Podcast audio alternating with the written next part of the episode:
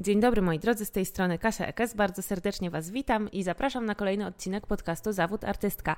I mam dla Was dzisiaj naprawdę super odcinek. Przed chwilą e, wysłuchałam tej rozmowy e, edytując ją i jestem pod ogromnym wrażeniem. Moją rozmówczynią była Kasia Kręcicka, wspaniała e, inspirująca dziewczyna i artystka. Rozmawiałyśmy o sztuce, o życiu artystki, o biznesie, o pakowaniu obrazów, yy, o wszystkich bardzo interesujących nas wszystkich tutaj zebranych tematach, więc yy, zostawiam Was już z tą rozmową. Mam nadzieję, że będzie dla Was inspirująca i do usłyszenia w kolejnym odcinku. Trzymajcie się. Dzień dobry, Kasiu. Witam Cię w moim podcaście. Bardzo mi miło, że zgodziłaś się porozmawiać. Dzień dobry, Kasiu. Bardzo dziękuję za zaproszenie. No to jest super dla mnie. Ja się czuję jak Werters oryginal, wiesz, jak ktoś wyjątkowy, także dzięki.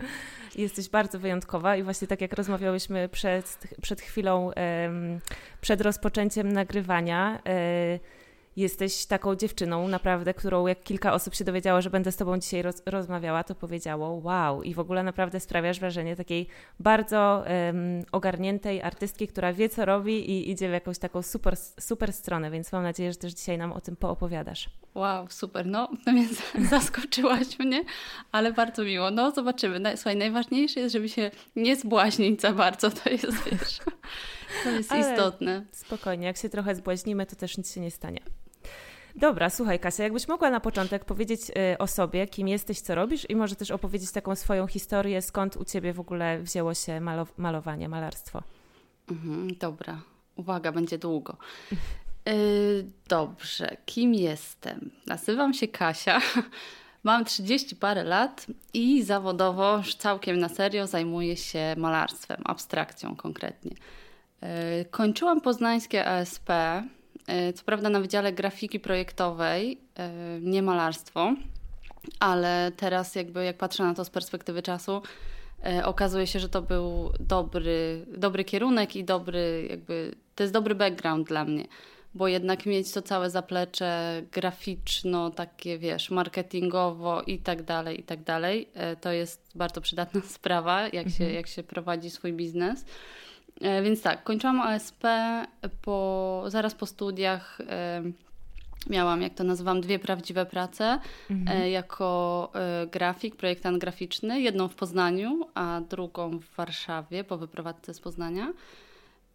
No, obie wiadomo, dużo mnie nauczyły, super doświadczenie, ale głównie doświadczenie mm, takie, jakby to powiedzieć, które sprawiło, że wiem, że ja się nie za bardzo nadaję do pracy dla kogoś, też ta praca grafika może nie do końca była marzeniem moim, ale, ale jakby ja zawsze zakładam, że każdy, jak się mówi, każdy krok jest po coś, to wszystko się dzieje po coś, nawet te rzeczy, których nie chcemy robić albo nie lubimy, one um, za parę lat, jak patrzysz wstecz, wiesz, okazuje się, mhm. że to miało bardzo dużo sensu i jest po coś, więc, e, więc takie było moje doświadczenie zawodowe. Um, aczkolwiek cały czas przy tym malowałam, mniej lub bardziej zawodowo, nazwijmy to. E, aczkolwiek ja mam taki, takie tło, że tak powiem, związane mocno z kolarzem. Dużo kiedyś zajmowałam się kolarzem i cyfrowym, i, i takim analogowym. Też pierwsze moje takie obrazy, że tak powiem, w dorosłym życiu, które mhm. zaczynałam sprzedawać, one były bardziej, że tak powiem, mix media, jak to się ładnie mówi. Było tam dużo, dużo zdjęć, dużo, dużo jakichś takich materiałów z zewnątrz, poza farbą i płótnem, ale potem jakoś to naturalnie gdzieś tam przeszło w taką pełną abstrakcję. Na pewno, e, na pewno zajmowanie się teraz abstrakcją e, to jest już takie moje miejsce. Jakby wiem, mhm. że, że w tym obszarze sobie, w tym obszarze się rozwijam i, i poznaję nowe rzeczy, ale jakby czuję, że, że znalazłam już tą swoją niszę. Super. To powiedz może więcej o tym, jak zaczęła się właśnie, jak zaczął się ten etap Twojej kariery, tej, którą teraz masz, czyli tej, z której Cię znamy, czyli bycia um, pełnoetatową malarką abstrakcyjną. Mm -hmm. Kiedy to się wydarzyło i jak w ogóle doszłaś do tego? W ogóle to jest bardzo takie wielkie słowo, kariera i odpowiedzialne. Y, wiesz co, to były takie dwa momenty. Y, pierwszy to było, kiedy rzuciłam moją drugą i ostatnią pracę, czyli to był 2015 rok. E, kiedy pomyślałam, że jakby za dużo siwych włosów, jestem jeszcze za młoda, żeby mieć tyle siwych włosów i, e, i trzeba coś zmienić. I to był 2015 rok w Warszawie, kiedy mówię, dobra, zabieramy się jakby już za, na poważnie e, za to malowanie, bo widzę, że po prostu w innych rzeczach jestem nieszczęśliwa. Mhm. To się potem zbiegło z kolei z wyprowadzką z Warszawy i otwarciem własnej działalności gospodarczej, która mhm. Dla mnie osobiście była takim momentem, no jakby to powiedzieć, spoważnienia troszeczkę, albo po prostu wzięcia na siebie odpowiedzialności za coś więcej niż, wiesz, trzy farby i płótno. Mhm. E, i, I trzeba było jakby trochę zmienić myślenie. Więc jakby ta działalność, rzucenie pracy i tak dalej, wyprowadzka też z Warszawy pozwoliły mi się skupić na, e, na tym malowaniu i jakby podejść do niego tak bardzo poważnie, że już nie ma mhm. ucieczek, nie będziemy się tutaj już, wiesz, bawić w to na pół gwizdka. I mhm E, I za tym ruszyła jakby lawina następnych rzeczy, czyli okej, okay, gdzie mamy się pokazywać, gdzie to pokazywać, jak. Więc no, dla mnie Instagram był mhm. tym miejscem, gdzie ja widziałam dla siebie największą możliwość. Um, jakby to powiedzieć, no po prostu rozwoju chyba najprościej, zdobycia tych, wiesz, mhm. followersów, o których wszyscy Dotarcia tutaj... do klientów pewnie Tak, tak, dokładnie, więc skupiłam się mocno na tym Instagramie, który, który się ciągle tam rozwija, chociaż to jest droga przez mękę do pewnego momentu, to jest jakby full-time job, że tak powiem. Mhm. E, czekaj, zapomniałam sedna Twojego pytania. Gdzie zaczęłam? E, jak się zaczęło? A to powiedz może przy okazji, mhm. to zaczęłaś od razu na Instagramie wtedy, w tym 2015? E, chyba tak, ale wow. na pewno, ale nie, właśnie to nie jest tak słodko, bo z zerową świadomością no jakby tak, tego, no, no. tego narzędzia, w ogóle wiesz, mhm. hashtagi, jakby co to jest, czemu ktoś mi każe tego używać, zupełnie dziecko we mgle, więc jakby ja miałam chyba tego mm, Instagrama bardziej jak prywatnie, wiesz, tu co trzecie -hmm. zdjęcie z wakacji plus -hmm. jeden obraz, mhm. zupełnie jakby bez pomyślunku to wszystko. E, na początku też był Behance i wiem, że -hmm. z tego Behance'a też przychodziły mi jakieś takie pierwsze zlecenia około artystyczne, ale Um, ale może jeszcze troszeczkę bardziej kolaż niż taka czysta abstrakcja, ale, ale potem szybko jakby ten Behance mi odszedł, bo widziałam, że może nie do końca jestem, jakby to powiedzieć, do, dobrym klientem, że tak powiem, dla Behance'a, to jednak mhm. to malarstwo trochę inaczej, inną drogą idzie. Więc y, no dobra, cały czas był ten Instagram, ale dobra, już wracam na ścieżki. Trzy lata temu to był następny taki punkt, kiedy poznałam e, Chrisa Doe. E, nie wiem, mhm. czy kojarzysz tę postać. To jest... Um, to jest strateg, grafik, biznesmen, już teraz nauczyciel z Los Angeles, który prowadził um, takie szkolenia, e, jakieś takie toki, jak zwał, tak zwał. I mhm. był w Warszawie kilka lat temu, chyba mhm. właśnie dwa lub trzy. E, I ja kupiłam bilet na to spotkanie razem z takim VIP czymś, kolacją czy mhm. czymś mhm. takim. E, bo miałam takie odczucia, że ja po prostu potrzebuję poznać tego człowieka osobiście, nie tylko na, na, tej jedne, na tym jednym spotkaniu takim ogólnym. I to był dla mnie taki start, ponieważ ten koleś ma taką siłę mm, pobudzenia cię do pracy i mhm jakby pokazania ci, pokazania ci, że weź się do roboty, trzeba zrobić to, to i tamto mhm. i jedziemy. Wiesz, jakby mhm. nie, ma, nie ma odpoczywania, nie ma zastanawiania się. I to spotkanie z nim bardzo dużo mi dało, takiego naprawdę kopniaka do tego Instagrama pierwszy raz. Okay. E, I, i to, no, to było trzy lata temu. I od tamtej pory, powiedzmy, że te pierwsze dwa lata też były zdjęcia z mhm. wakacji, ale, mhm. ale od tego spotkania pierwszego i potem drugiego z nim e, to był taki mój start konkretny. Mhm. Mhm. Super, właśnie zastanawiałam się, jak to u Ciebie było. Skąd w ogóle, wiesz, wzięłaś taki pomysł, że to jest możliwe, bo nas na studiach tego nie uczą i nikt nam tego nie pokazuje, że to jest możliwe, nie? Żeby wziąć sprawy w swoje ręce, zacząć gdzieś tam w internecie pokazywać swoje prace i sprzedawać je samodzielnie. Wręcz powiedziałabym, że to jest takie trochę nie, krzywo na to patrzą mhm. profesorowie. No wiesz co, tak, absolutnie jakby zgadzam się, też tak myślałam przez wiele lat, ale tak, po pierwsze, na studiach, no nie, nie chcę powiedzieć, że niewiele cię uczą, ale, bo, bo zupełnie nie to, ale nie, niewiele możesz się dowiedzieć, przynajmniej jak ja studiowałam, mhm. o tym, jak rzeczywiście w tym życiu zawodowym ogarnąć ten mhm. temat, bo jakby nacisk na artystyczny rozwój, ok, ale ten świat od czasu, kiedy ja skończyłam studia, zmienił się bardzo mocno, mhm. więc jakby już nie ma tych starych schematów, nie można już mhm. ich, wiesz, e, wrzucić w obecne realia.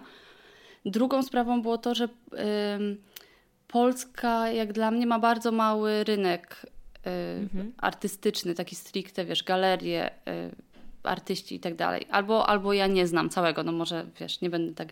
Ale w porównaniu do innych krajów, które obserwuję, czy w których sama sprzedaję, jest to trochę mały rynek i ja po prostu poczułam w którymś momencie, że nie bardzo chyba mam szansę w niego wejść. Mhm. Poza tym, no, w ogóle to jest bardzo trudne, wiesz, bycie reprezentowanym przez galerię, czy, czy po, mm, posiadanie w swoim portfolio wystaw. No to nie mhm. jest jakby łatwa rzecz do, do zrobienia i do zorganizowania. A nie mogłam wiecznie jakby czekać na to, że zostanę odkryta, wiesz, to tak, tak. Y, to tak nie działa moim zdaniem przy tej ilości artystów, przy tej mhm. ilości y, prac, sztuki na rynku i tak dalej. Y, więc jakby wiedząc, że dobra, to jest jakby poza moim zasięgiem, tu grafikiem nie chcę być, trzeba było jakby wymyśleć, wymyśleć? Trudny wyraz. E, coś swojego, a że jakby widziałam e, innych artystów z zagranicy głównie, którzy w ten sposób działają, mm-hmm. szybciej lub wolniej, wiesz, na mniejszą lub większą skalę, ale gdzieś tam biorą też te sprawy w swoje ręce, no to pomyślałam, że może wa- warto tutaj jakby zawalczyć, bo alternatywą mhm. byłoby wracanie jakby do takiej pracy, wiesz, na etacie, a to mhm. było dla mnie jakby już nie do, nie do przyjęcia, więc jest to jakieś tam ryzykowne i właśnie może źle widziane, ale, mm, ale z drugiej strony żyjemy w takich czasach, że sprzedaż przez galerię to nie jest jedyna jakby opcja, tak jak kiedyś, nie? Jakby no. to, to już nie jest, nie jest, nie jest, nie wiem, nawet 20 lat temu. Mhm. Inny świat. I to jest piękne moim zdaniem, chociaż to też tak jak z współpracami z galeriami idą jakieś tam trudy i minusy i tak dalej, tak z taką sprzedażą, pracą samodzielną też idą trudy tego, nie? I też trzeba wiedzieć, jak się za to zabrać. Tak, chciałabyś, żebym A powiedziała. Właśnie, jestem ciekawa, e, co ten Chris Doe, tak? Powiedziałaś mm, Tak, tak. Co on Ci powiedział wtedy? Co on mi powiedział? E, na pewno dał mi taki, takiego, mm, taki zastrzyk y, pewności siebie, mhm. której na tamtym etapie potrzebowałam, a ja chyba jestem trochę takim ludziem, który na takim zastrzyku może bardzo długo pojechać. Bardzo mhm. mnie to buduje i potem mogę sobie na, na bazie tego budować jakby dalej. Więc dla mnie to był taki, to była taka najważniejsza rzecz, że ja jestem w stanie w ogóle to zrobić. E, a potem były to takie rady dotyczące stricte samego Instagrama, mhm. Y, wiesz, podnoszenia jakości mhm. Y, tego profilu, zdjęć. Ja wiem, że wczoraj sama też coś wrzucałaś na ten temat, jak kiedyś, jak mhm. kiedyś robiłaś zdjęcia, jak tak, robisz teraz. Tak, tak. Y, więc to podnoszenie jakości prezentowanych treści, jakie by one nie były, czy to jest art, czy nie art, to było jakby też ważne, mm -hmm. zwracanie uwagi na to. No te kilka lat temu nie było jeszcze Reelsów w Polsce, chyba na, no nadal nie ma Reelsów, nie ma. ale no dobra, jest wideo, jest IGTV, więc jakby zwracanie się ku tym nowym funkcjom mm -hmm. też było istotne. A poza tym cały ten cały ten jego wykład, nazwijmy to, on się nazywał e, Design Therapy, więc było to bardzo takie osobiste podejście i trochę taka właśnie terapia grupowa, mhm. gdzie, gdzie gadaliśmy dużo o tym, jak mamy zepsute głowy jako mhm. Y, kreatywni ludzie y, mhm. i, i porozwiązywanie kilku takich problemów pod tytułem te wszystkie głosy, które słyszysz, że nie jesteś wystarczająco taka, siaka i owaka, zazwyczaj nie są twoim głosem, tylko a może jakiegoś nauczyciela, a mhm. może rodzica, a może jakiejś koleżanki, wiesz, i uświadomienie sobie, że to nie są moje głosy, było też takim fajnym punktem dla mnie, że jakby dobra, nie ma... Tak. No. Myślę, że każdy się z tym utożsami totalnie, bo wiadomo, no. każdy będzie wiedział o jakie głosy chodzi, bo każdy tak. je pewnie ma. A ty y, z nimi sobie poradziłaś już? Y, nie do końca, nie, no wiesz, to jest taki krzyk w tej głowie, że, y, że na pewno nie, ale, ale z częścią na pewno. I w ogóle te, te trzy lata, powiedzmy już, nazwijmy to, znaczy nazwijmy to, określmy ten, ten czas takiego rozpędu jako te trzy lata, nie pięć z wieloma sobie poradziłam, bo to, to idzie w parze z jakimś tam też rozwojem osobistym, mhm. jakimś tam, no, może nie terapią, ale wiesz, jakimś tam, a to jakiś psycholog, a to ktoś po drodze, mhm. poznawaniem siebie, y, próbą przynajmniej y, zrozumienia, czemu robimy rzeczy jakieś tam, albo co jest tym triggerem, wiesz, czemu ja się zachowuję tak, a nie inaczej, albo jak próbowałam sobie te moje głosy analizować, to, to próbowałam wejść jakby, wiesz, znowu o krok głębiej, jakby skąd to się wzięło, czemu, albo kiedy to pierwszy raz usłyszałam. Jakby to nie jest tylko poradzenie sobie z głosami pod tytułem nie krytykujcie mnie, ja jestem super, przecież, ja zobaczcie jak ja ładnie maluję, tylko, tylko raczej taka, taka całościówka, nie? Takie mhm. trzy lata lepszego rozumienia czemu, albo i też, dobra, może jeszcze jedną rzecz powiem. Rozumienia mhm. siebie, ale też akceptowania tego, że pewne rzeczy przydarzały nam się trochę bez naszej wiedzy albo winy. Wiesz, mhm. wychodzi się z jakimś bagażem, albo to z domu, a to ze szkoły, mhm. a to z czegoś tam. Więc myślę, że, te, że taka po prostu terapia autorska działa cuda. Ale wiem, że z Olą Morawiak też trochę na ten mhm. temat mhm. rozmawiałaś, tak y, coś pamiętam, więc jakby to jest chyba nieodłączna część tego, bo tej chyba roboty. Się, właśnie przed chwilą miałam taką myśl, że y, totalnie ch chciałam z Tobą rozmawiać o Twoim biznesie artystycznym, a patrz, rozmawiamy o głosach w głowie i o psychologii, tak. ale tego się nie da odłączyć moim zdaniem, bo mhm. ja też totalnie musiałam y, i cały czas przechodzę taką drogę w sobie, żeby móc działać po prostu, nie? Trzeba tak. się odgrzebywać z tych takich przekonań różnych i mhm. ograniczeń, żeby móc cokolwiek robić, a y, pokazywanie światu, i, a sprzedawanie to już w ogóle, swojej sztuki, czyli de facto po prostu swojego wnętrza, to naprawdę wymaga y, odwagi i przepracowania wielu rzeczy. Tak, tak. I jeszcze właśnie ten biznes, jakby pewnie zaraz o tym porozmawiamy, ale to też jest, no nie wiem, no wychodzisz powiedzmy mhm. ze szkoły albo z domu, masz to, że co, ja nie będę żadnym biznesmenem, że ja nie będę otwierać żadnych firm, to jest nie dla mnie. U mnie w domu się tak nie robiło mhm, na przykład. Mhm, mhm. E, więc to też wymaga przepracowania, żeby w ogóle pójść w taką stronę. Tak. Myślę, co? Ja teraz mam teraz moje myślenie jest takie, co ja nie będę prowadzić swojego biznesu, wiesz, to, się, to się wszystko tak zmienia, ale nie, nie, niezbędne jest to, tak jak powiedziałaś, to przepracowanie. Mhm, tak. Właśnie chciałam Cię o to zapytać, ale myślę, że już y, trochę odpowiedziałaś. Czy Ty patrzysz na to, co Ty robisz, jako na właśnie biznes artystyczny? Czy, czy myślisz o sobie jako o artystce i właścicielce biznesu? Czy, czy jakoś inaczej to sobie nazywasz? Yy, kurczę, w ogóle sobie nie nazywam.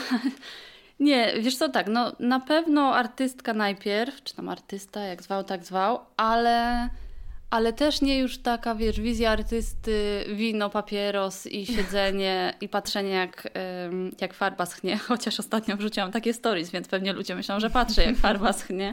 Właśnie, ale dlatego Cię o to pytam, bo Ty tak mocno nie poruszasz tej, tego biznesu, jak ja na przykład, tego mhm. biznesowego aspektu w swoich mediach społecznościowych, więc zastanawiałam się, czy Ty też tak no, tak to widzisz po prostu.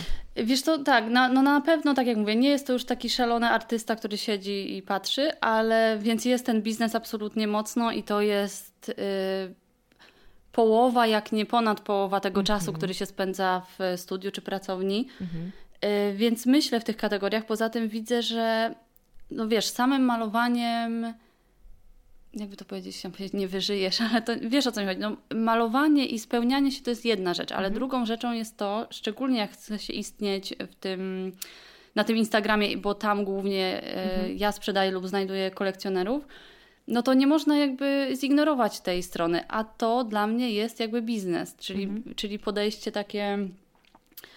Y, no może mniej emocjonalne, bardziej ułożone. Ja nie mówię, że mam jakąś tam wielką strategię, bo nawet ty mi teraz uświadomiłaś, że ja nie mówię o tej biznesowej stronie, mm -hmm, więc mm -hmm. jak się okazuje, nie mówię.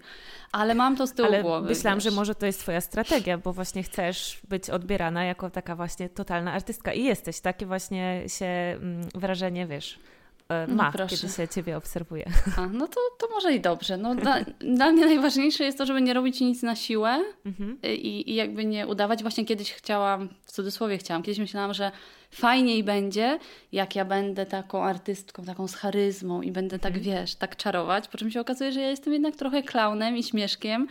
I jakby nie będę, wiesz, nie będę teraz udawać, że jestem kimś innym, mhm. ale to jest jedna jakby strona, a druga jest taka, że trzeba ogarnąć y, faktury, trzeba ogarnąć stronę, trzeba ogarnąć marketing, kolekcję itd., tak itd., tak ale też wszystko, i to było takie moje założenie od zeszłego roku, że wszystko chcę robić na swoich zasadach. Mhm. Nie, nie zajeżdżać się za bardzo, nie wymyślać rzeczy, których nie chcę tak naprawdę robić, tylko po to, żeby je sprzedać. To jakby mhm. też zupełnie nie, nie jest moja mhm. broszka, że tak powiem. A jak u Ciebie wygląda właśnie w takim razie ta biznesowa strona? Jakie są Twoje zadania na co dzień? Jak wygląda Twoja praca oprócz właśnie malowania? Mhm. Jak, kawa przede wszystkim. Jak A masz ekspres w pracowni? Dwa. Dwa, bo jak mi się znudzi jeden, jeden rodzaj kawy, to muszę mieć jakąś alternatywę, żeby się nie zdenerwować. Dobra, jak wygląda? Czekaj, już mówię. Ja jestem, jak się okazuje, rannym ptaszkiem ostatnio. Wiesz, 6.30 mhm. te sprawy już drepczę po prostu, czy można już iść do studia, czy można już iść. Y, jak ja robię? Aha, mam, pracuję w jakichś takich cyklach kilkumiesięcznych, y, które zazwyczaj polegają na tym, że albo, albo tworzę jakąś kolekcję, albo mam jakiś większy projekt y, artystyczny lub około artystyczny, bo czasami takimi też się zajmuję.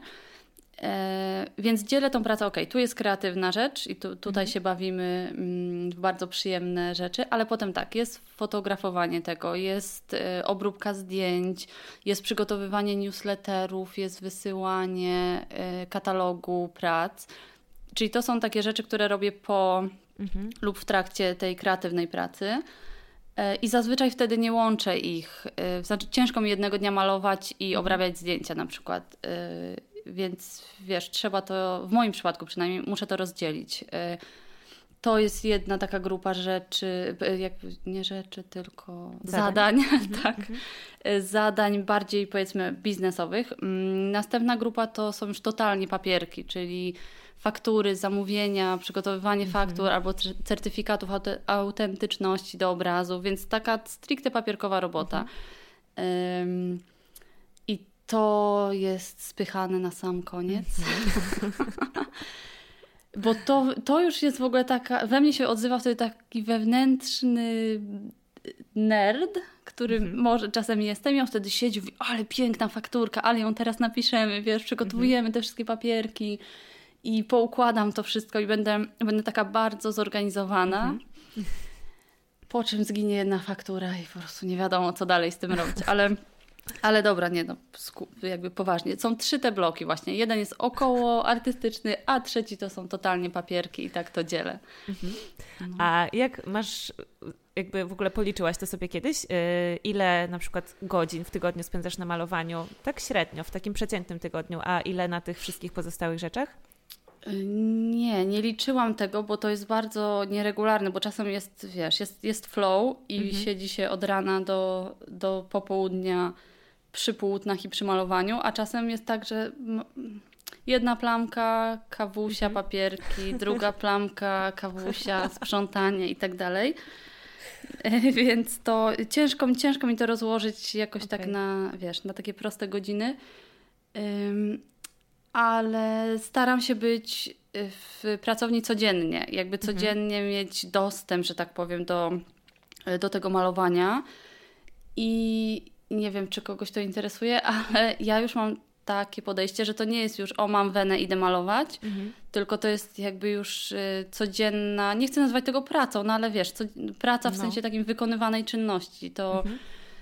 to już nie jest właśnie takie, ach, nie mam ochoty, to nie będę malowała. To jest jakby moje życie, od tego zależy bardzo dużo rzeczy, mam dużo planów i tak dalej, i tak dalej, więc nie mogę sobie pozwolić tylko na poleganiu na tym, że będę miała wizję, to mhm. sobie przyjdę pomalować, mhm. więc to jest chyba też może trochę biznesowe, że tak powiem, albo bardziej, wiesz, Ale poważne nie, nie, nie. podejście. Ja myślę, że to jest zupełnie normalne i każdy artysta e, i dzisiejszy, i sprzed wieków, taki, który się na poważnie sztuką zajmował, mówił dokładnie to samo, że e, to jest praca i że przychodzi od przysłowiowej 8 do 17 E, do pracowni i po prostu tą pracę wykonuje i tak. nie czeka na wenę, tylko wena mhm. przychodzi wtedy, kiedy pracujemy. Ale myślę, tak. że my mamy jakiś problem jako artyści z tym, żeby to przyznać i boimy się, że wtedy ludzie pomyślą, chyba, może ja tak mam, ludzie pomyślą, że ja tego nie traktuję jak takie, wiesz, sztuki, sztuki, tylko że do tego tak podchodzę z takim wyrachowaniem. Yy, tak, no wiesz, jak to psujesz po prostu ten, tę wizję artysty, wizję. którą ludzie mają, no. a z drugiej strony, jak ja mam kilku takich znajomych, którzy tak się właśnie ze mnie śmieją, że co ty tam robisz, tam sobie malujesz te obrazeczki, przecież to nie jest praca. No i widzisz, tu nie jest praca, jak przychodzę na siódmą do roboty, to nie jest praca. Jak piję kawusie, to też nie jest praca. No w ogóle okazuje się, że to malowanie to w ogóle nie jest praca, więc... Mhm ale y, jeszcze jedną rzecz chciałam powiedzieć a propos tej weny i tego mhm. właśnie malowania, kiedy się chce. Ja przez kilka lat miałam takie podejście i nic z tego nie wychodziło. Ja byłam bardzo zdziwiona przecież. E, przecież to miało być takie łatwe i ja miałam właśnie, wiesz, w długich sukniach przechadzać mhm. się po pracowni i to się miało wszystko samo dziać, więc okej, okay, ja wierzę, że pewne rzeczy powinny się same dziać i powinien być ten taki naturalny flow, który sprawia, że ty czujesz, że idziesz w dobrym kierunku.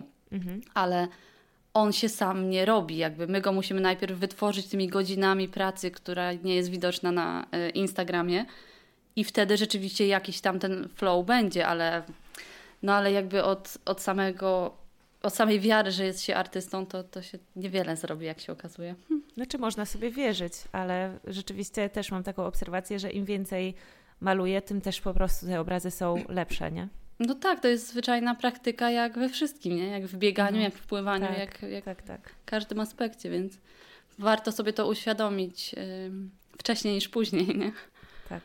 A powiedziałaś, Kasia, że starasz się być w pracowni y, codziennie, nie robisz sobie wolnych weekendów? Yy, robię sobie w poniedziałki czasem. Aha. Ja chyba też nawet ostatnio o tym wiem. Właśnie bardzo mhm. lubię pracować w weekendy, bo jest jakby tak ciszej dookoła mhm. i też nikt, ja mam takie poczucie, że na pewno nikt nic nie będzie ode mnie chciał. Nikt mhm. nie zadzwoni. Mhm. Ja bardzo nie lubię odbierać telefonów, więc nawet jak ich nie, nie, nie oczekuję, to i tak się boję, że ktoś zadzwoni. A w weekendy jest mniejsza szansa na to. Y, poza tym, no trochę chyba mi się już wkręciło takie uzależnienie trochę od tej pracy. Nie chcę mówić pracoholizm, bo tak daleko nie szła, no ale jest coś takiego, ale trochę mm, controlling taki ja mam. Jakby mhm. To jest trochę część mojej osobowości, co też nie jest mm, artystyczne bardzo. Mhm. Ale ja muszę być tam codziennie, muszę zobaczyć, czy wszystko stoi, wiesz. A może, a może potrzebuję tutaj dodać jeszcze coś do tego obrazu, nie wiem, jakby nie narzekam na ten stan na razie, to mi się mhm. podoba i fajnie, że mi się chce tam być, ale, ale zapominam trochę o tym, że trzeba mieć to wolne, więc mhm. dzisiaj może je sobie zrobię po południu. może po prostu jak już Twój organizm będzie go potrzebował, to się o to upomni i Ty to zauważysz i już.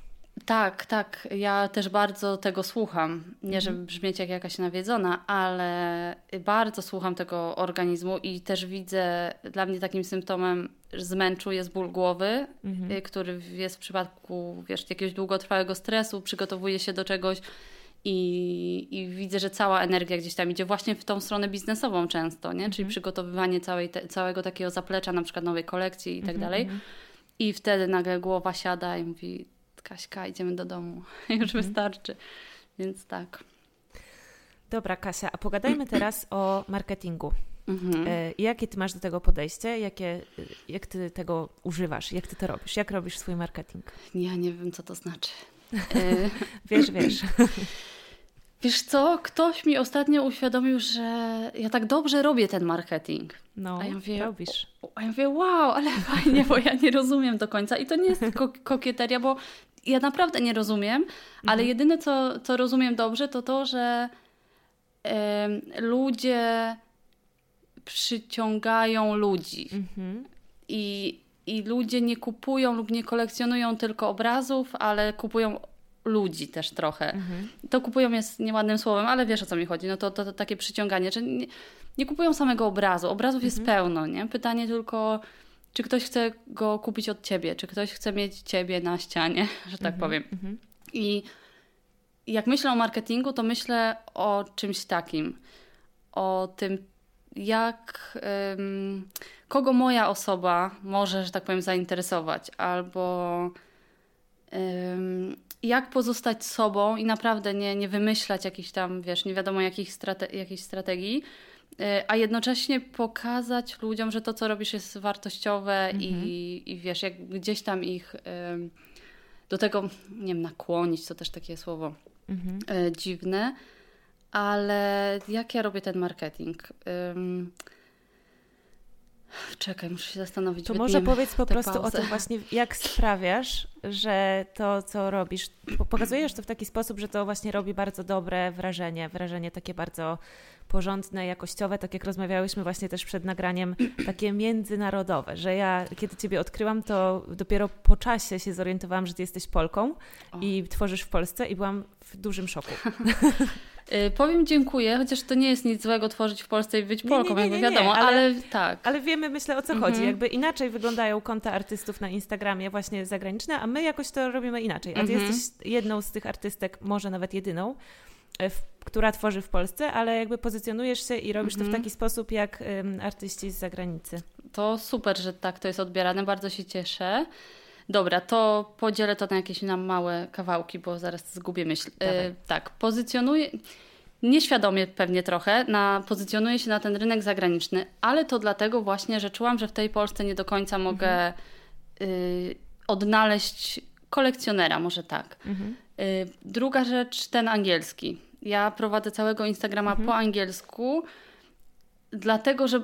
Mm, ja jakoś tak naturalnie czuję ten język. Ja nie mówię, że jestem jakimś native speakerem, ale po prostu bardzo dobrze mi się w nim poruszać i bardzo dobrze mi się w nim wyrażać. Mhm. Swoje myśli, opisy obrazów i e, też mnie bardzo inspiruje muzyka. Teksty są głównie po angielsku i dla mnie to jest też, też jakaś taka nitka, która łączy, mhm. y, łączy to ze sobą. Dobra, pozycjonowanie się z tym angielskim to jest jedna rzecz, taka, którą. Aha, i to jest y, świadome moje działanie rzeczywiście y, marketingowe, jak teraz sobie uświadomiłam. Mm -hmm. Bo pamiętam, że ze dwa lata mój bardzo dobry znajomy architekt spytał mnie, czemu ja w, po tym angielsku tak ciągle. Przecież no. ja siedzę w Polsce. Ja mówię, dobrze, teraz siedzę w Polsce i mam pięciu tysięcy, mam pięć tysięcy obserwatorów, ale moim celem jest wiesz, rozwijanie tego i rozbudowywanie. I nie wiem, czy ja chcę być w Polsce, czy ja chcę sprzedawać w Polsce, a chcę być konsekwentna w tym. Mhm. Więc to było moje takie e, świadome działanie. E, poza tym e, mam dużo znajomych artystów ze świata, ze Stanów, którzy często opowiadali mi o tym, że ja pasuję, i to są ich słowa, ja pasuję mentalem do takiej Kalifornii na przykład. Gdzieś mhm. tam takiego może leż, e, właśnie leż, Jezu, trudny wyraz, lżejszego mhm. Podejścia Yy, może takiego jakiegoś właśnie zabawnego. No. I te puzzle mi się zaczęły jakby układać w, te, wiesz, w taką moją wizję tego mojego Instagrama, więc to nie było jakieś wielce skalkulowane, ale mhm. gdzieś tam naturalne dla mnie. Yy, ja też bardzo dobrze się czułam w tej Kalifornii, jak dane mi było tam, tam sobie po, pobyć. Yy, więc to jest, to jest takie moje, powiedzmy, wiesz, mhm. marketingowe yy, działanie. Co było następne? Przypomnij mi, bo ja to tak płynę w tymi myślami. Ja też nie wiem. To zadam kolejne pytanie, e, mhm. bo z tego, co powiedziałaś i z tego, że właśnie prowadzisz Instagram po angielsku mhm. i też to wygląda tak właśnie, no właśnie tak jak wygląda, to sprawia, że ty przyciągasz właśnie zagranicznych kolekcjonerów, prawda? Mhm. I głównie sprzedajesz e, swoje obrazy za granicę. Tak, tak. To jest... Yy, właśnie ja ciągle jestem pomiędzy świadome a nieświadome, wiesz, nie wiem, które mhm. działania są gdzieś tam naturalne i wynikają z jakiejś mojej potrzeby, a które gdzieś tam bardziej. Na pewno teraz muszę więcej myśleć jakby o tym kliencie zagranicznym, kiedy on zaczął e, do mnie przychodzić od, od roku, powiedzmy tak konkretnie. Um, I jest ich zdecydowanie więcej z zagranicy. Nie wiem, czy to przez ten angielski, czy może właśnie przez to, jak maluję. Um, ale teraz już jakby jestem bardziej tego świadoma i bardziej. Mhm. I tu może właśnie zahaczę znowu o tą biznesową stronę, y, czyli muszę bardziej pamiętać o tym, jak wysyłać te obrazy, jak je pakować, jak znaleźć najlepszą cenę na wysyłkę, żeby to wszystko się sklejało, żeby cena mhm. obrazu i cena wysyłki gdzieś tam. Nie była taka sama. E, tak, chociaż zrobiłam jedną taką serię, że praktycznie była, ale to była taka seria obrazów, która była taką, takim trochę podziękowaniem, mhm. bo to było 10 tysięcy followersów wtedy e, i to wszystko mi się tak zbiegło, jakby też w taką w sumie spójną marketingową akcję, jak się okazało, bo, bo to było kilkanaście obrazów w bardzo takich przystępnych cenach, które się bardzo szybko jakby poszły w świat. I tutaj rzeczywiście ta cena wysyłki i obrazu była zbliżona, bo większość z nich poszła rzeczywiście do Stanów, ale ale ja mam, teraz też się tego uczę, że jeśli ktoś chce kupić Twój obraz, jeśli ktoś chce go mieć w domu, to on jest gotowy ponieść ten koszt wysyłki, mhm. wiesz. I to mhm. o tym też trzeba pamiętać przy takim może powiedzmy pozycjonowaniu się i poszukiwaniu takiego mhm. kolekcjonera. Mhm. Więc to na to jakby teraz zwracam uwagę, chociaż ponownie to jest jak, jakaś tam naturalna rzecz dla mnie, że ja się ja się zwracam w tamtą stronę, aczkolwiek nie, wcale nie ignoruję moich kolekcjonerów z Polski. Są. i są bardzo fajni i bardzo się lubimy. Więc wiesz, to nie jest tak, że ja się na coś tam zamykam albo, mhm. albo udaję, że mnie tutaj nie ma. Po mhm. prostu ta chyba część biznesowa mnie widzi, że gdzieś jest większy rynek mhm. i tyle może. Jakby mało romantycznie to brzmi, mhm. No. Ja na przykład mam zupełnie inne, odwrotne podejście do ciebie w tej kwestii, bo mi z kolei właśnie wszyscy mówią, dlaczego ty y, się tak zamykasz na tych ludzi z zagranicy i w ogóle taka jesteś zacietrzewiona, że tylko w Polsce będziesz działać mm-hmm. i na ten mhm. polski rynek. A ja właśnie mam dokładnie tak, jak ty powiedziałaś, że chcesz być otwarta, bo nie wiesz, gdzie będziesz, gdzie będziesz chciała być za jakiś czas, być może gdzieś za granicą to ja mam totalnie tak, że wiem, że zawsze będę mieszkać w Polsce i że też jakby mam jakąś taką potrzebę w sobie i chęć udowodnienia, że ludzie w Polsce też chcą kupować obrazy. U nas nie ma po prostu tej kultury jeszcze, to się dopiero buduje. I ja też chcę mhm. dokładać do tego jakieś tam te swoje pięć groszy, żeby właśnie budować to i pokazywać ludziom, że mogą kupować do domu sobie sztukę mhm. i że to jest super. Super, właśnie bardzo, bardzo się z Tobą zgadzam, jeśli chodzi o po prostu podejście i taką pewność tego podejścia, bo nie ma dobrych i złych mhm. jakby ścieżek, nie? Dla mnie najważniejsze jest to, żeby ktoś szedł taką, jaka jemu pasuje i do jakiej jest przekonany, bo jak nie jesteś do czegoś przekonany, to, to po prostu to nie wyjdzie, a my w Polsce, ja jakby widzę to, bo też y, współpracuję z architektami wnętrz, mamy klientów na sztukę. Tak jak mówisz, ten rynek się dopiero buduje. My, ja mi się wydaje, że my w Polsce, z tego co ja obserwuję, jeszcze lubimy takie bardziej jakieś mroczne obrazy, jakieś symboliczne może mhm. bardziej, mhm. coś w tę stronę. E, więc moi, moim zdaniem, albo przy moich obserwacjach, ta abstrakcja jeszcze nie jest taka, wiesz, zauważona i lubiana, że tak powiem, przez mhm. kolekcjonerów, ale to idzie w dobrą stronę. I na pewno mamy odbiorców na to. To nie jest tak, że nikt nie chce kupować, nie? Wiadomo ale yy, więc jak, nie ale, tylko właśnie czemu nie? Czemu, jakby można się zwracać w tę stronę, a tym bardziej jak ty mówisz, że chcesz tutaj być i jesteś, no to jest dla mnie to jest naj, wiesz, najpewniejsza, najfajniejsza sytuacja, bo idziesz mhm. po prostu twardo w swoją, y, swoją ścieżką i to jest, to jest ekstra. No pewnie i super. No. Kasia, to teraz trochę może zmienimy ym, temat chociaż cały czas będziemy rozmawiać o Twoim biznesie, ale chciałabym Cię zapytać o kursy, y, mhm. o Twój kurs, w którym uczysz, znaczy pokazujesz swoje techniki malarskie. Ja ten kurs y, sobie przerobiłam, ale jestem bardzo ciekawa, czy Ty się nie bałaś, że mm, nagle pojawi się tysiąc Kaś Kręcickich, które będą malować podobnie do ciebie i po prostu, no bo to jest bardzo kuszące. Ktoś ci daje przepis na fajny obraz po prostu. Mhm. Tak. Y, myślałam o tym dużo. No. Y, też właśnie y, słuchałam Twojego chyba podcastu i to chyba też była Ola, który, o warsztatach chyba rozmawiałyście mhm. właśnie ewentualnie. Dobra. Myślałam o tym bardzo dużo, bo to jest dla mnie, to był dla mnie temat do przemyślenia. Wiadomo, właśnie z tych powodów, o których mówisz, ale dwie rzeczy były, jakby przekonały mnie do tego, żeby to zrobić. Po pierwsze, ja jestem dzieckiem e, nauczycielki. Mhm. Cała moja, e, albo pół mojej rodziny uczyło lub uczy. I wydaje mi się, że ja to akurat mam w genach. I mi sprawia to ogromną frajdę i daje mi taki zastrzyk, że jak ja robię jakieś warsztaty, albo pracuję z dzieciakami, albo nie wiem, uczę kogoś dorosłego, no to ja mam taki haj, że dla mnie to jest warte wielu wyrzeczeń, że tak powiem. Mhm. Y, oczywiście trochę się bałam, że będzie iluś tam naśladowców i tak dalej, ale ja wychodzę z założenia, że jeśli ktoś jest pewny swojego warsztatu i pewny swojej ścieżki i rozumie naturę tej ścieżki, a y, mam na myśli tutaj, że ta ścieżka się ciągle zmienia i ciągle się rozwijamy i ciągle idziemy do przodu, przynajmniej takie jest założenie, to zrobienie kursu z pewnego etapu mojego, mojej działalności, że tak powiem, niczego mi nie odbiera, mhm. Y, ponieważ y, ale mi te angielskie słówka ciągle wskakują. Ponieważ w momencie, kiedy ten kurs będzie y, online i będzie mm, oferowany ludziom, ja mhm. już będę gdzie indziej.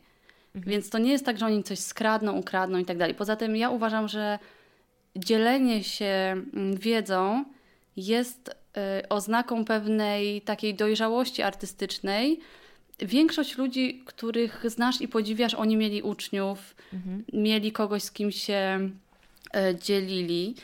E, I uważam, że to jest jakby oznaka pewnej właśnie dojrzałości i tego, takiej gotowości na to, żeby się dzielić, bo no wiesz, co ja z tym zrobię? Nie zabiorę sobie tego, to nie jest Mhm. jakaś taka, to nie jest moja własność. I rzeczywiście tak się stało, że w momencie, kiedy ten kurs wyszedł, ja naturalnie już byłam gdzie indziej. Mhm. A poza tym, no tak jak widziałaś ten kurs, to wiesz, że ja tam dużo mówię właśnie o znajdowaniu, poszukiwaniu swojego stylu. Mm, I on nie był do końca nastawiony na skopiuj, chociaż tacy też się pojawiają, ale no trudno, jakby nie mam na to wpływu. Ale mocno był nastawiony na odkrywanie siebie i swojego stylu. I do tej pory dostaję dużo wiadomości, głównie od kobiet. E, I jedną dostałam taką grubą, że naprawdę pewna pani ze Stanów właśnie też mówiła o tym, że ona y, była bardzo chora kilkanaście lat temu, zdołowana, depresja i tak dalej, bardzo takie grube tematy. I po tym kursie ona się ożywiła, obudziła, Wow. maluje non-stop i jakby ze trzy wiadomości, w których ona mi dziękuje. Ja nie wiem już do końca, jak się zachować, bo nie wiedziałam, że to, to może mieć taki, wiesz, impact. Mhm. I, I też y, takie wiadomości utwierdzają mnie w przekonaniu, że to nie jest coś, co ja powinnam wielce trzymać dla siebie, wiesz.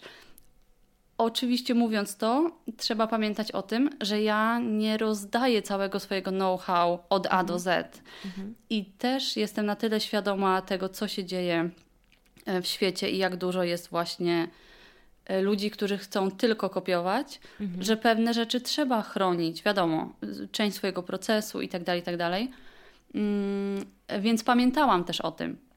Ale w momencie, kiedy ja w momencie, kiedy zaczynam uczyć, nagrywać ten kurs, to wie, a, jedziemy. Jakby trzeba, trzeba pokazać em, oczywiście tak dużo, na ile się czujemy z tym komfortowo, ale kończąc moją za długą myśl, nie bałam się za bardzo, bo, bo nie ma czego, że tak powiem. My się ciągle rozwijamy, więc... No tak, super to wytłumaczyłaś. Ale myślę też, że jest tak, że kiedy ty malujesz swój obraz swoimi technikami, to on jakby ma w sobie twoją prawdziwą energię i jest taki szczery, nie? A jak ktoś y, totalnie skopiuje twoją technikę i po prostu nie weźmie swojego obrazu z siebie, tylko chce namalować fajnie, tak jak Kasia Kręcicka i po prostu spojrzy jak to jest namalowane i będzie chciał zrobić tak samo, to w tym obrazie nie będzie tej prawdziwej energii i to naprawdę widać i czuć zawsze. Mhm. Tak, ja, ja się zgadzam z tą. Nie ma, nie ma czegoś takiego jak podrabianie emocji i energii. I widzę też to po tych y, osobach, które są właśnie w grupie tego kursu, Mhm. e, które na przykład gdzieś wyrzucają jakąś złość z siebie. I to widać na tych obrazach. Oni używają podobnych narzędzi i jakby mogło, mogłoby być takie założenie, że skopiują ten obraz, a tu się okazuje, że oni po prostu gdzieś tam płyną po swojemu i to ma więcej mocy niż ktoś, kto ma więcej takiego skilla do kopiowania i nagle wychodzi bardzo podobna Kasia Kręcicka, ale bardzo płaskie wtedy to jest i to tak. widać. Tak. A tutaj ktoś, kto może ma mniej powiedzmy tego warsztatu za sobą, ale więcej prawdziwości, wychodzi nagle, wiesz, taka bomba emocjonalna i, i to jest łatwe do odróżnienia e, właśnie i do zobaczenia, nie? To jest też Tak. ciekawe w tym uczeniu. Tak.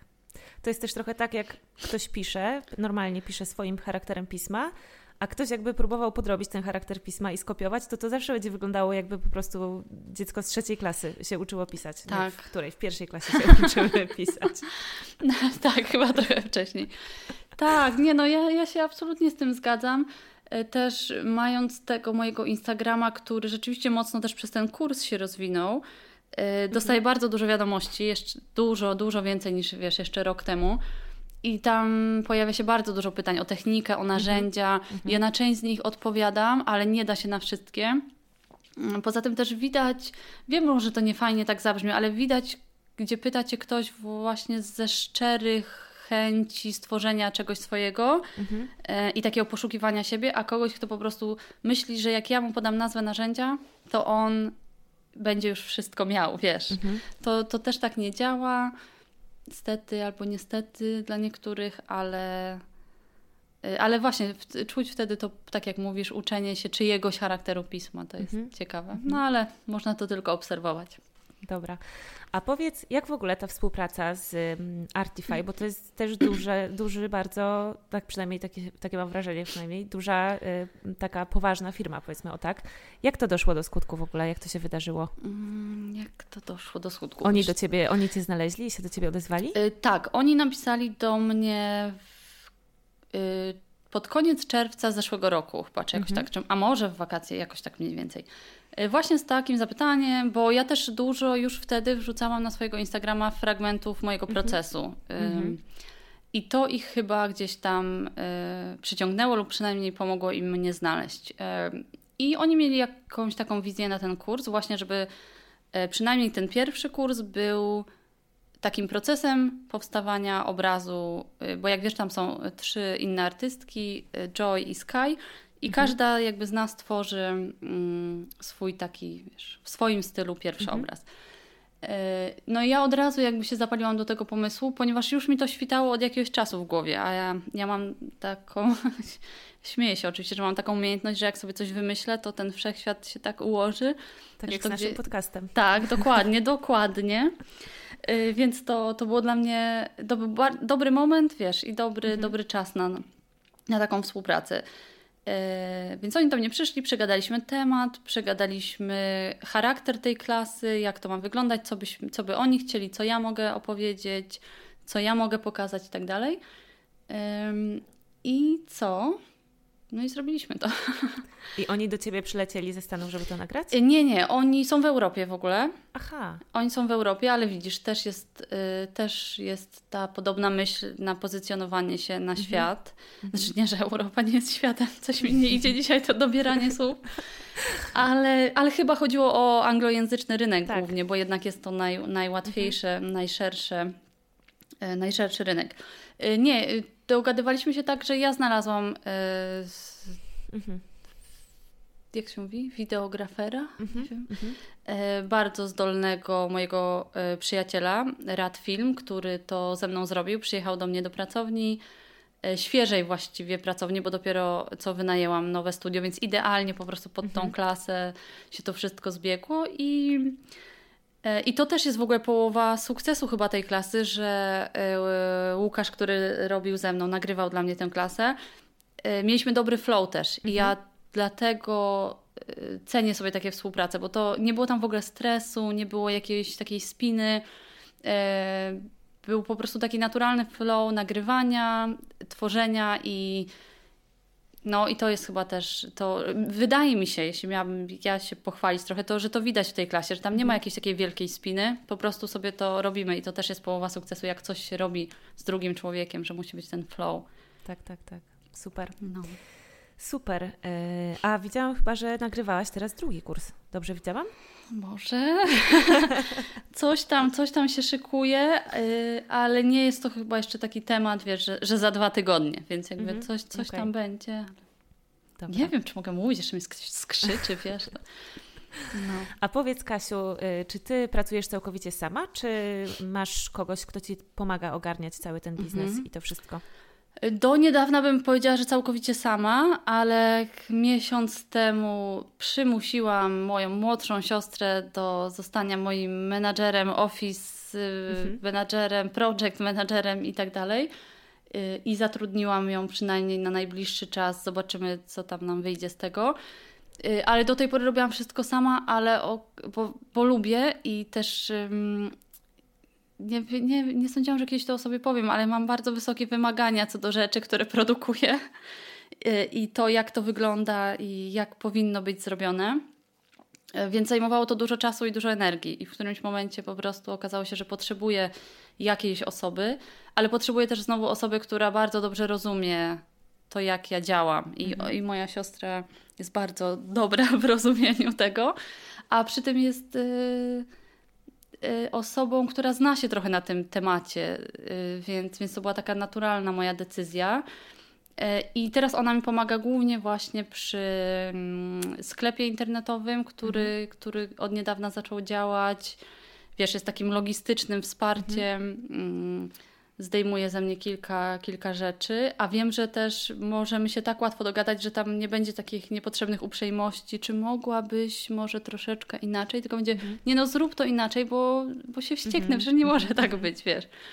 Więc, y, więc od niedawna tak, mam, mam moją siostrę. Nie wiem, nie wiem ile ze mną wytrzyma, ale no wiesz, trzymamy kciuki, żeby jeszcze chwilę wytrzymała. Super. Jest jedna rzecz, o którą mhm. bardzo chcę Cię zapytać. Bardzo. Dawaj. E, Jak ty ogarniasz wysyłkę tak dużych obrazów na cały świat? No, y, z bólem brzucha na początku. Wiesz to, no właśnie, to y, mogę powiedzieć o tym trochę dłużej, jeśli mi pozwolisz, bo to jest w ogóle temat no. bardzo trudny w ogóle w naszym kraju. Bardzo i dużo osób bardzo chce też y, o tym posłuchać, bo to no, jest naprawdę ty... taki temat, że nikt nie wie jak to robić. Każdy jakoś tam próbuje po swojemu no. i każdy ma poczucie, że robi to źle. To jest masakra. Ja, moja koleżanka, ta właśnie Joy z Kanady, która też mhm. robi ten kurs, ona do mnie czy ty sama pakujesz te obrazy, całe, wszystko? No a co mam zrobić? Ona, no. nie, no ja zawijam folię bąbelkową i wysyłam do takiego ofisu i oni to wysyłają. A wie, wspaniale, pokaż mi taki ofis w Polsce. I nawet pytałam znajomego właściciela galerii, czy są takie usługi pakowania, mhm. wysyłki. On mhm. mówi, nie rozśmieszaj mnie Kasia, nie ma czegoś takiego.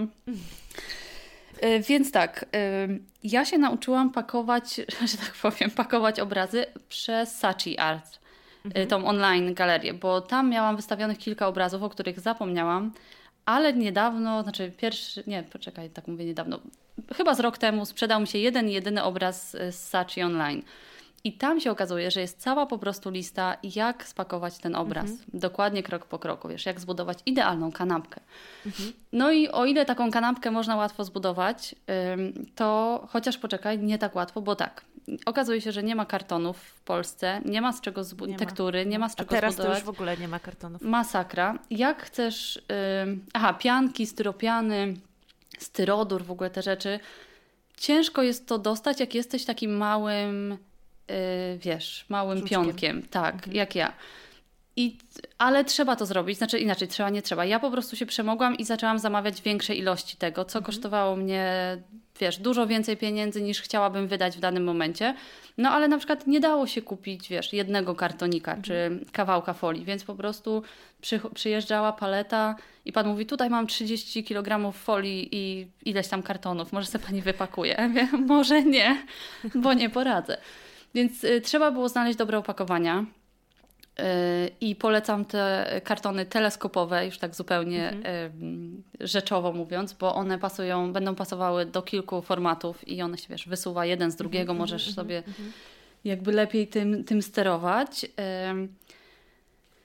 A, a sama wysyłka. Dobra, czyli jak robisz? Zawijasz obraz w folię, obkładasz to styropianem i wsadzasz do kartonu? Y, tak, y, robię kanapkę, tak. Y, na końcu jeszcze jest oczywiście folia taka, że możesz to wrzucić po prostu do wody i nie przecieknie. Mhm. Nie, no takie zabezpieczenie przed, przed jakimś tam właśnie zmoknięciem. Mm, I wrzucam to do kartonu. Ten, w tym kartonie się nic nie może ruszać. Tam ma być wszystko tak, wiesz, ustawione, mhm. że tam nic, nic nie lata. I jedną taką jakby kalkulacją, którą musiałam zrobić biznes versus art, było właśnie ustalenie mm, formatów obrazów, mhm. bo y, nie wyśle się w kartonie obraz większy niż 120 centymetrów. Mhm. I to jest kolejna taka rzecz, nie wiem czy to jest taka wiedza ogólna, mhm. ale dla mnie to było troszkę zaskoczenie. Powyżej swego czasu, powyżej 120 y, centymetrów musimy zbudować kratę, skrzynię drewnianą. A to już są koszty idące w tysiącach złotych za wysyłkę, e, więc średnio się to opłaca, jak nie jest się, wiesz, utytułowanym artystą mhm. sprzedającym za miliony monet. Więc warto pamiętać o tym formacie, że też nie wszystko da się na pewnym etapie naszej kariery wysłać i sprzedać poza nasz kraj. Nie? To jest mhm. jakby mhm istotnych, mimo że by się chciało, wiesz, chciałoby mhm. się wielkie formaty wysyłać w świat. Ale na to też jest sposób, bo większe formaty ja wysyłam zwinięte, e, czyli rozebrana mhm. rama, mhm. a że ja te ramy składam sama, e, to, to jakby wiesz, wiem jak to zrobić, wiem jak to złożyć i wysyłam je wtedy w dwóch długaśnych takich wąskich kartonach. W jednym jest płótno. Ramy w sensie krosna, tak? Tak, krosna. Mhm. E, w jednym wąskim kartonie jest krosno zabezpieczone, złożone równiutko, w drugim płótno również zabezpieczone mhm. E, ja jestem jeszcze takim frikiem, że nie dość, że tak zwinę to płótno, zawinę w folię bąbelkową, włożę do tuby kartonowej, którą dopiero włożę do kartonu. Mhm, mhm, mhm. no tak, to naprawdę trzeba lepiej zabezpieczyć mocniej niż za słabo, nie? Tak, tak, no właśnie, przecież wiesz, co ci szkodzi dodać tą jedną warstwę, a mieć no. pewność, że, że nic się z tym nie stanie. Szczególnie, że teraz, no nie wiem, miałam taką sytuację, że obrazy były wysyłane do Stanów do, i do Meksyku. Mhm. E, no i one z jakiegoś powodu przez tydzień stały w kolonii. I mhm. teraz nie wiem, czy one stoją, bo ktoś je otwiera i sprawdza paczki, bo taka jest też y, możliwość, możliwość tak. E, dobra, ale o tej wysyłce.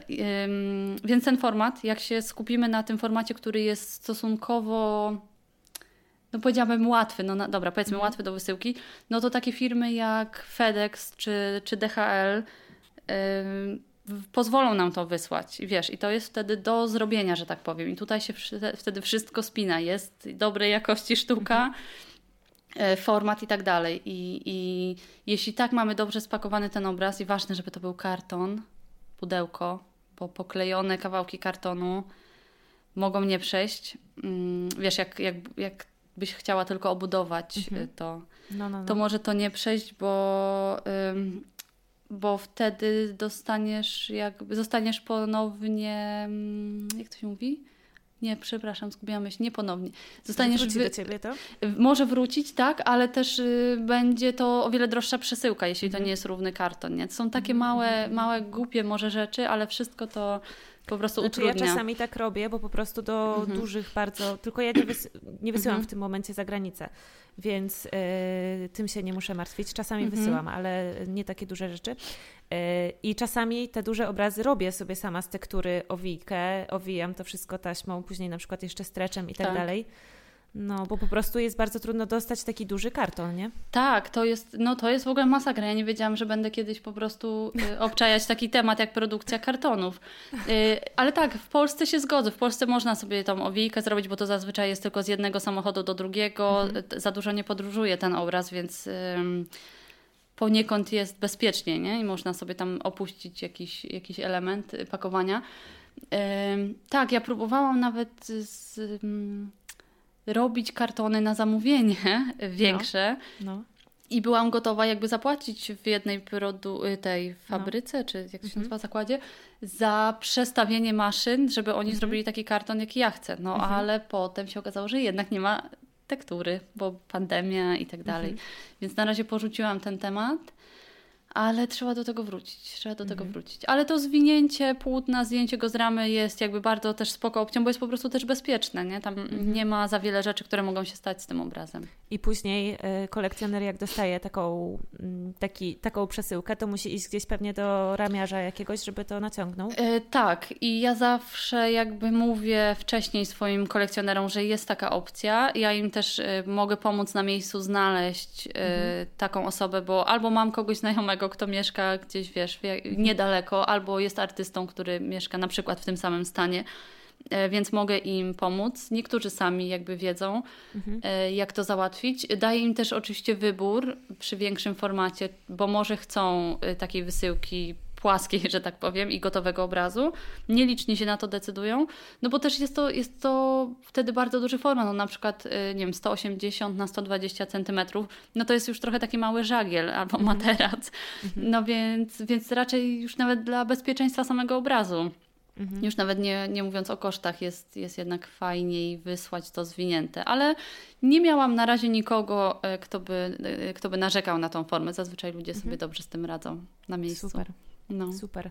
Mnie, mnie tylko przy tym, że trzeba tę y, tą sztukę naprawdę dobrze zabezpieczyć właśnie w metry folii, jakieś styropiany i tak dalej, denerwuje bardzo to, że to brzydko wygląda i mnie to doprowadza do szału, ale chyba naprawdę nie ma wyjścia z tej sytuacji. Yy, no nie ma, ale wiesz co, powiem Ci, że nie wygląda brzydko. Znaczy ja już... Wiesz, folia, plastik. Znaczy inaczej, no... Podoba? Tak, tak, chociaż y, właśnie to jest też jedna rzecz, y, znowu taka bardziej biznesowa, do której ja przykładam ogromną wagę, czyli mhm. to pakowanie. Y, bo dobra, nie jest to ładnie zapakowany prezent, wiadomo, tutaj mhm. nie będziemy w papier pakowy, pakować obrazu, ale można to zrobić naprawdę dobrze. I jakby zamawianie na przykład styropianu pod wymiar Twojego obrazu mhm. od razu lepiej to wygląda. Bo tak porządnie pewnie i równo. Tak. Mhm te przekładki kartonowe, które idą gdzieś tam na początek z jednego ładnego kawałka tektury, bardzo dobrze to wygląda. W sensie, wiesz, takim mhm. estetycznym. No nie mówię, że to jest różowe i w kwiatki. E, co tam jeszcze? A, narożniki. zrobienie zrobienie e, ładnych, estetycznych narożników z tektury to jest w ogóle też e, na co przydało mi się ASP. Miałam tam zajęcia z budowania opakowań. Ale I super. I po prostu zapamiętałam, że tekturę falistą można po jednej stronie delikatnie no. łamać i ona się po prostu zachowuje cudownie i można mhm. piękne narożniki zrobić. I za każdym razem, jak buduję te narożniki, to sobie myślę, tak, po to poszłam na ASP. I sama budujesz te narożniki? E, tak, tak, bo to jest taki prosty wykrojnik, wiesz, dwa razy mhm. zagniesz, raz natniesz i, i się składa. O kurczę, e... muszę do Ciebie przyjechać na jakieś szkolenie Warsztaty spakowania, tak.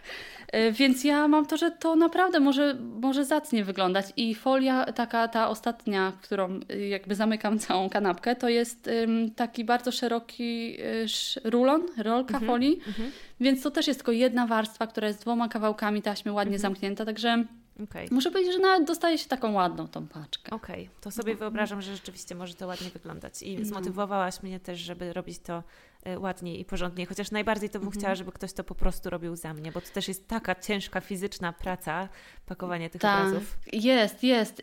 Ja też przez chwilę myślałam, żeby ktoś chciał robić to za mnie, ale, ale jak zobaczyłam, jak ktoś to robi za mnie, to zrobiło mi się tak gorąco, mówię, zostaw to, nie to są te chyba wysokie te wymagania, które mam, więc y, mhm. wolę to robić sama.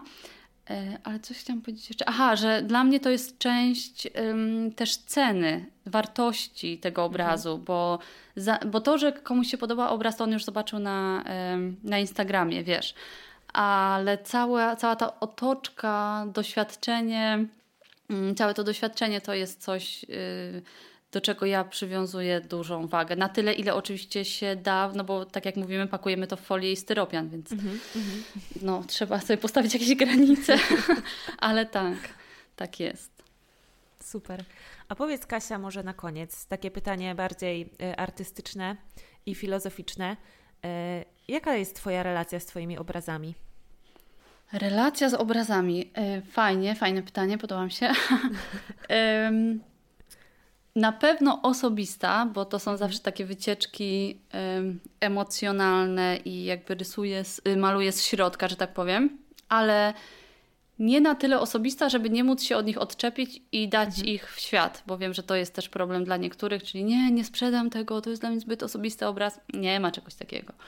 Znaczy, oczywiście jest, się śmieję, ale, ale no dla mnie już nie ma. Ja lubię widzieć reakcje ludzi na te obrazy I ja staram się opowiadać historię w tych abstrakcjach. Mhm. I chyba też nawet ostatnio gdzieś tam u siebie na Instagramie to powiedziałam, że e, ja buduję te warstwy, dopóki nie zacznę widzieć historii. E, I mhm. czasem ta historia jest po trzech warstwach, czasem po trzydziestu, ale zazwyczaj jest gdzieś tam. I, i to, jest, to jest takie moje główne podejście do tego, takie opowiadanie historii z środka, niepodrobionej, wiesz, takiej mojej.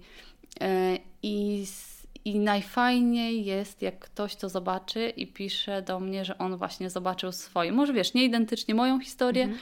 ale, ale, zobaczył swoją. swoją. Tak, mhm. tak. To jest chyba taka moja główna zabawa teraz z tym opowiadaniem historii. Czy ty widzisz u siebie coś takiego, że przez te kilka lat, kiedy malujesz, yy, rozwinęłaś się jako artystka i że twoje obrazy są coraz lepsze? O, świetne pytanie. Czemu w ogóle więcej ode mnie rozmawiałyśmy? Y, tak, widzę, widzę absolutnie. Bo też sama byłam w, ostatnio w programie mentorskim z taką fajną grupą e, ludzi, od których się też uczyłam. Mhm. E, I to mi bardzo pokazało, ile jeszcze trzeba iść, żeby mhm. odkopać następną warstwę jakichś swoich takich, wiesz, kreatywnych pokładów, ale ile już zostało zrobione. I bardzo to widzę, ale jednocześnie widzę coś takiego, w obrazach sprzed kilku lat, że ja już coś tam odkryłam, ale ponieważ byłam albo za mało pewna siebie, albo za dużo myślałam, albo wiesz, te wszystkie głosy, o których mówiłyśmy na początku, e, to porzucałam jakąś e, historię, jakąś ideę i mówię, dobra, to już, to pewnie ktoś zrobi lepiej i coś tam. I mija parę lat i ja mówię, dobra, ja chcę to robić. Jakby mhm. to jest moje ciągle i E, I też tego patrząc wstecz, jakby y, to zauważyłam i tego się um, nauczyłam. I to jest też część tego rozwoju, który widzę, czyli jakby ciąg... ja w ogóle to ciągle szukam nowych rzeczy i mnie jakby jedna kolekcja skończona już mam to, dobra, gdzie idziemy dalej, gdzie szukamy mhm. dalej, ale na pewno są rzeczy, które sobie zostawiam jakby z każdego takiego etapu własnego rozwoju e, i które szanuję i chowam sobie do, wiesz, do mojego pudełeczka z, ze skillsami i, i z którego wyjmuję, ale, ale ciągle, ciągle chcę dokładać i jakby mi się wydaje, że to jest dopiero początek jakichś takich mhm. godnych obrazów. Jak będziemy miały 80 lat, to dopiero będziemy wtedy malować obrazy, nie? Tak, słyszałam właśnie, że to tak, że tak jest, że to tak jest. Tylko trzeba te wszystkie jeszcze po drodze namalować też. Tak, y, ale ja jeszcze, ch co ja chciałam coś mądrego powiedzieć? Nie, nie wiem, Możesz czy mądrego. coś mądrego na koniec, dać jakieś orędzie do, do, do narodu. Do nie, ja, ja bardzo doceniam w ogóle to, że mogę to robić. Y, to mhm. chyba nie jest orędzie, ale naprawdę ostatnio tak sobie chodzę po tej pracowni i mówię, kurczę, ja to naprawdę robię? Tak, sobie, no. tak mogę sobie malować i jeszcze komuś się to podoba? Mi się to podoba? Nie, no to jest w ogóle taki czad, że, że dla tych uczuć warto tą całą stronę biznesową, wiesz, też robić, bo to jest bardzo wyjątkowe zajęcie. Mhm. I bardzo jestem radosna z tego powodu, że, że mogę to robić. Nie, poważnie, naprawdę to mhm. bardzo, bardzo to doceniam, co się dzieje teraz w tym życiu. Super. A masz jakoś, ciągle mi się wydaje, mm. że to mhm. będzie ostatnie pytanie, ciągle mi kolejne przychodzi do głowy. No. Masz jakąś taką wizję na siebie yy, i swoją sztukę i swój biznes artystyczny za 10 lat na przykład? Uuu, 10 lat. Albo jakiś taki, wiesz, -hmm. cel ambitny, do którego dążysz? Wiesz co, na pewno coś tam mam. Yy, mam takie cele no nie, kurczę, właśnie się waham, nie wiem, czy to warto mówić, czy nie warto, bo to jest zawsze wszystko tak, nie wiadomo. Ale mhm. na pewno chciałabym być y, artystą, który jest w galerii. Mhm. Y, kiedyś, ale takiej galerii, którą wiesz, ja mam gdzieś tam z tyłu w głowie. Nie, nie, nie takiej, byleby w niej być i byleby mhm. coś tam sprzedawać, bo zupełnie nie o to mi chodzi, bo jak widać, tą sprzedaż i to y, tych kolekcjonerów, że tak powiem, można sobie samemu znaleźć. E, ale na pewno chciałabym być, jeśli, jeśli mówimy o takich zawodowych planach, właśnie gdzieś widoczna w galerii, którą gdzieś tam sobie cenię, wiesz, mam jakąś tam mhm. swoją listę takich, takich miejsc. E, na pewno dużo chciałabym, e, dużą część czasu chciałabym skupić teraz na rezydencjach artystycznych i, i poszukać dla siebie takich miejsc, w których mogę się rozwijać. I plany na najbliższe lata, lata to są takie, żeby więcej podróżować z malarstwem swoim, mm -hmm, czyli mm -hmm. teraz tak, teraz właśnie jakby to kogoś interesowało, ale w lipcu będę sobie mieszkać przez miesiąc w Kopenhadze i tam mhm. szukać sobie jakichś wiesz, nowych inspiracji. Ekstra. I takich kilka planów na najbliższy czas mam. A poza tym po prostu lepiej malować, lepiej, mhm. bardziej, lepiej kumać, co się dzieje w środku i, i przekładać to na, na lepsze historie jeszcze. To jest plan. Wspaniale, wspaniale. To teraz na koniec mhm. powiedziałaś, że tą sprzedaż i tych kolekcjonerów można sobie samemu znaleźć. Słucha nas mnóstwo osób, które siedzą i się zmużdżają codziennie nad tym, jak to zrobić. Co ty byś im poradziła? Mhm. Yy, dobra.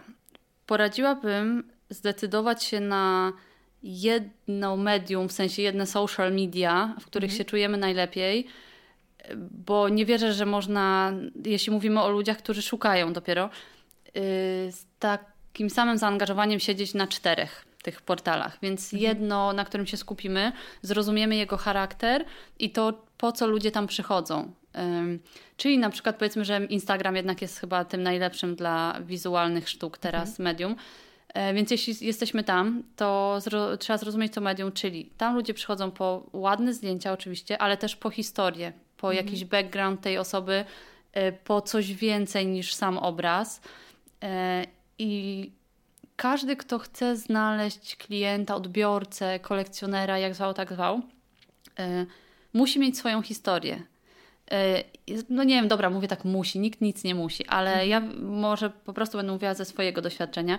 Dopóki ta historia się we mnie nie ułożyła, jakiś jej zalążek, to ciężko mi było znaleźć tam odbiorcę.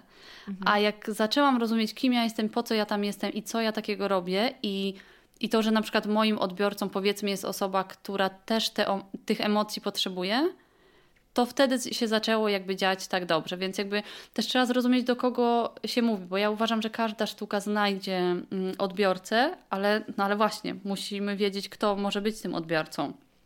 Y, I to jest taka pierwsza rada, żeby chyba stworzyć swoją historię. Albo mhm. wiesz, stworzyć to też takie, zrozumieć, nie? Zrozumieć mhm. swoją historię.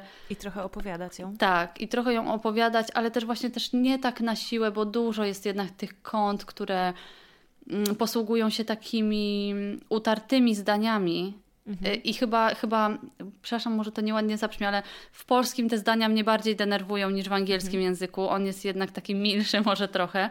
Więcej przejdzie, mi się też wydaje. Że tak, po, więcej. Po polsku wszystko brzmi tak patetycznie i tak poważnie. Dokładnie, dobrze, że ty to powiedziałaś, to będzie na ciebie, jak to się przyczepi. Ale tak, trochę tak brzmi i jest po prostu tak, jakbyśmy wszyscy panoramę racławicką wiesz, malowali.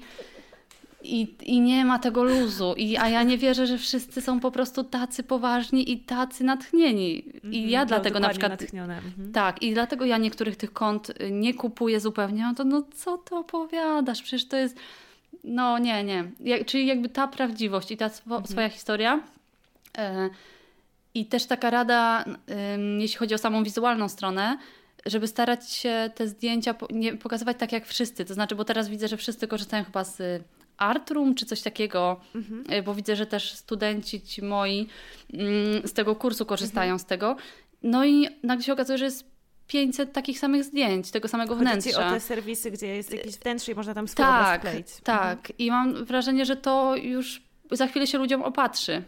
I już będzie tak, że poczekać, to jest ten obraz, czy ten obraz, tak by, więc starać się znaleźć też swój sposób na pokazywanie też tych obrazów, nie mhm. tylko e, nie tylko siebie, ale też tych obrazów. I ja bym powiedziała, nie wszyscy to chyba lubią, ale płatne promocje na Instagramie małych kont przez duże konta, ale takie wartościowe, są taką samą formą reklamy dobrą jak każda inna i nie są mhm. kupowaniem lajków, bo ja nie mówię o kupowaniu e, lajków, mhm. wiesz, fejkowych kont, ale mhm. E, no na przykład Aleksander Jakert lub Jackert, bo już nie wiem skąd on jest ten chłopak, e, lub kilka takich większych kont instagramowych, które zajmują się promowaniem abstrakcji, są, mhm. są płatne, płaci się tam za mhm. post, za promocję, chodzi, tak. no ale, mm, ale jeśli jest kilka takich właśnie bardzo dobrych, jeśli chodzi o jakość, o odbiorców i tak dalej, to warto też pisać do nich.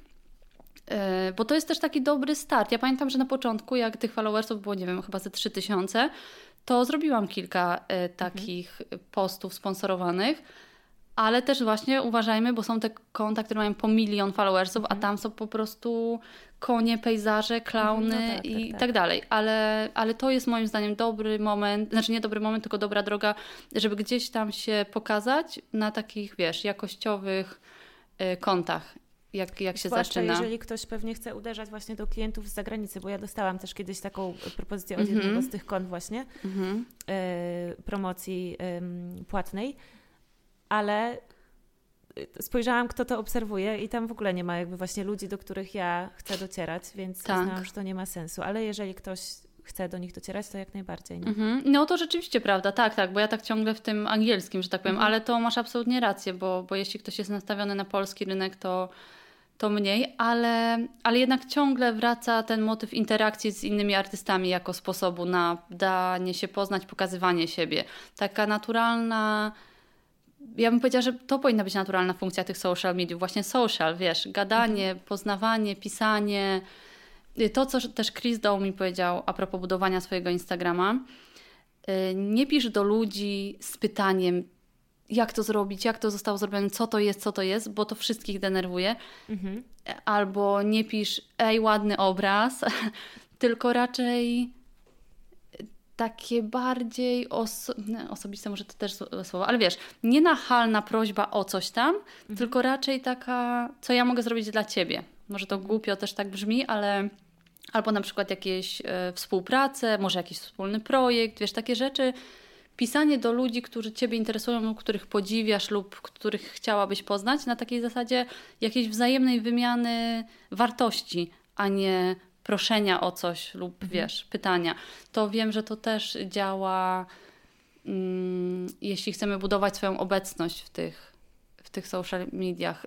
Kurczę, ale trochę odpłynęłam, miałam mówić o tych jak szukać tych o klientów. A jak szukać? Jak szukać. Ale no to szukać to na pewno mhm. opowiadanie tej swojej historii mhm, i, mhm, i opowiadanie o swoim znowu produkcie brzydki wyraz, nie? Jeśli mówimy o sztuce, ale, ale opowiadanie o tym, co się robi w taki naprawdę szczery sposób, to wydaje mi się, że to, to prędzej czy później zadziała, bo to jednocześnie wiesz, ludzie się frustrują, bo mam 3000 followersów i nikt nic nie kupuje. No 3000 followersów to jest w skali tego Instagrama nic, więc mhm. ciężko y, ciężko się nie denerwować, mhm. ale, no, ale ten proces trwa i to takie, wiesz, powolne sobie grzebanie, że tak powiem, w tej swojej ścieżce i wy, wykopywanie jej, to ja wierzę, że to naprawdę zaprocentuje, więc te, te wszystkie kroki wykonywane jednocześnie, one mają dużą szansę, żeby zadziałały i żeby przyciągnęły Totalnie. kolekcjonerów. Dużo małych kroków. Dokładnie. Overtime i będzie dobrze. Tak, dużo małych kroków. No. Oh. Super. Kasia, co za świetna rozmowa. Myślę, że e, Myślisz? ja jestem zachwycona i jestem pewna, że słuchacze też będą. Bardzo Ci dziękuję, że się podzieliłaś właśnie swoją historią i doświadczeniem i tym, jak pakujesz obrazy.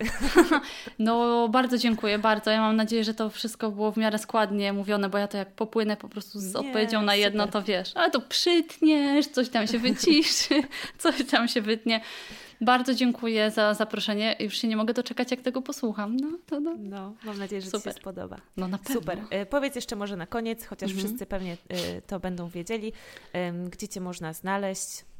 Gdzie mnie można znaleźć? Yy, na Instagramie.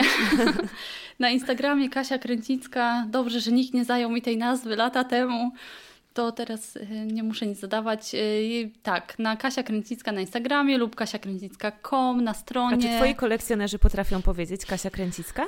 Ja nie wiem, czy oni w ogóle to mówią. Oni mówią tylko Kasia. Okay. Kasia wystarcza. wystarcza. Bo Właśnie... Kręcicka to rzeczywiście jest trudny, trudny wyraz Oj, chyba. trudny. Muszę powiedzieć, że lata mi zajęło, żeby przyzwyczaić się do tego, że to jest trudny wyraz, ale przynajmniej jak już ktoś go zapamięta, to już wiadomo, że to ja, mhm. więc coś, coś w tym jest, ma to wszystko sens. Tak, więc na stronie mojej też mnie można znaleźć, chociaż mniej, ale muszę się tam troszkę nią zająć i popisać tam więcej mądrych rzeczy. Super, bardzo Wam polecam, jeżeli jeszcze Kasi nie znaliście do tej pory, to e, zapoznać się i poobserwować i poinspirować się, zobaczyć jak fajnie można e, właśnie swoją zawodową, artystyczną ścieżkę e, realizować. Dzięki. Super. Trzymaj się, pa. Pa. No, mam nadzieję, że dla Was ta rozmowa była równie inspirująca jak dla mnie, chociaż jestem przekonana, że tak. E, dziękuję Wam bardzo za wysłuchanie. E, koniecznie, jeżeli Wam się podobało, jeżeli ten odcinek był dla Was wartościowy, to e, podzielcie się nim na swoich mediach społecznościowych i oznaczcie nas. Kasię, Kasia Kręcicka i mnie, Kasia Ekes. Będzie nam bardzo miło, jak zobaczymy, że wysłuchaliście i że ta rozmowa nasza była dla Was też fajna taka artystyczna rozmowa, artystyczno-biznesowa rozmowa od serducha. Na koniec chcę Wam jeszcze powiedzieć, że uwaga, uwaga, Wiemy już, kiedy ruszy druga edycja pracowni, więc zaczynam o tym mówić y, oficjalnie. Druga edycja pracowni, czyli mojego membershipu dla artystów, w którym razem y, uczymy się, jak rozwijać nasze twórcze biznesy, rusza we wrześniu, więc już całkiem niedługo. Będzie wyglądała ta druga edycja dosyć mocno inaczej niż pierwsza, e, ale będziecie mogli też e, uzyskać dostęp do tego wszystkiego, co już w membershipie się wydarzyło, do tych wszystkich lekcji i materiałów, które już e, przerobiliśmy. Jeżeli jesteście, już wiecie, że jesteście zainteresowani, to zapiszcie się koniecznie na listę artysty. Znajdziecie link w opisie tego odcinka i w moim bio na Instagramie też go znajdziecie. I y, na pewno, jeżeli będziecie na liście artysty, to nie umknie Wam ta informacja, kiedy będziemy już ruszać ze sprzedażą pracowni i kiedy będzie można do niej dołączać, a naprawdę warto. Dobra, słuchajcie, widzimy się na Instagramie. Y, zapraszam Was tam bardzo serdecznie i słyszymy się w kolejnym odcinku. Trzymajcie się, dobrego tygodnia. Pa!